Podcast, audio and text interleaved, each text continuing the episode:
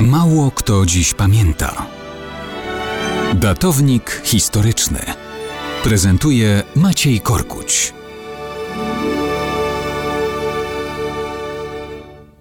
Mało kto dziś pamięta, że 6 marca 1945 roku instruktorem NKWD przy Komunistycznym Ministerstwie Bezpieczeństwa Publicznego został generał Iwan Aleksandrowicz Sierow. Oficjalnie nazywano go bardziej niewinnie doradcą. W dokumentach sowieckich często jest instruktor.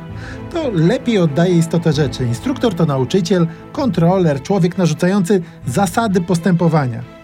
W rzeczywistości Sierow był nadzorcą całego aparatu terroru w Polsce, działającym w imieniu Kremla. Przy okazji jego postać jest wielowymiarowym symbolem tego wszystkiego, czym była cała PRL, budowana od początku jako marionetkowe quasi państwo w rękach Stalina. Sierow w 1945 roku kończył równe 40 lat, ale zdążył się wykazać w służbie bolszewickiego państwa wielokrotnie. W NKWD służył od 1939 roku. Nadzorował działalność tej służby na ziemiach polskich wcielonych do Republiki Ukraińskiej. Kierował działalnością tej służby na Ukrainie i na polskich ziemiach wcielonych do Republiki Ukraińskiej. Nadzorował deportację tysięcy Polaków, zwalczał polskie podziemie niepodległościowe. Likwidował też opór przedstawicieli innych narodów. Kiedy skończył się sojusz Hitlera ze Stalinem, dowodził wojskami NKWD na różnych odcinkach frontu. Zajmował się deportacjami ludów Krymu i Kaukazu. W Polsce przeprowadził operację podstępnego aresztowania przywódców państwa podziemnego.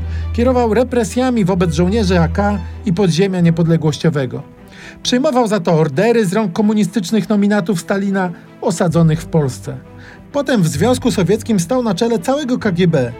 Kierował później wywiadem wojskowym GRU. Błyskotliwą karierę Sierowa przerwała dopiero sprawa Olega Pieńkowskiego, wysokiego oficera GRU, który współpracował pod jego bokiem z USA.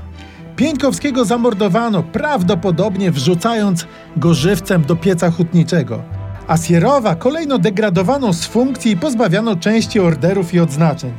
Wszystko za brak czujności.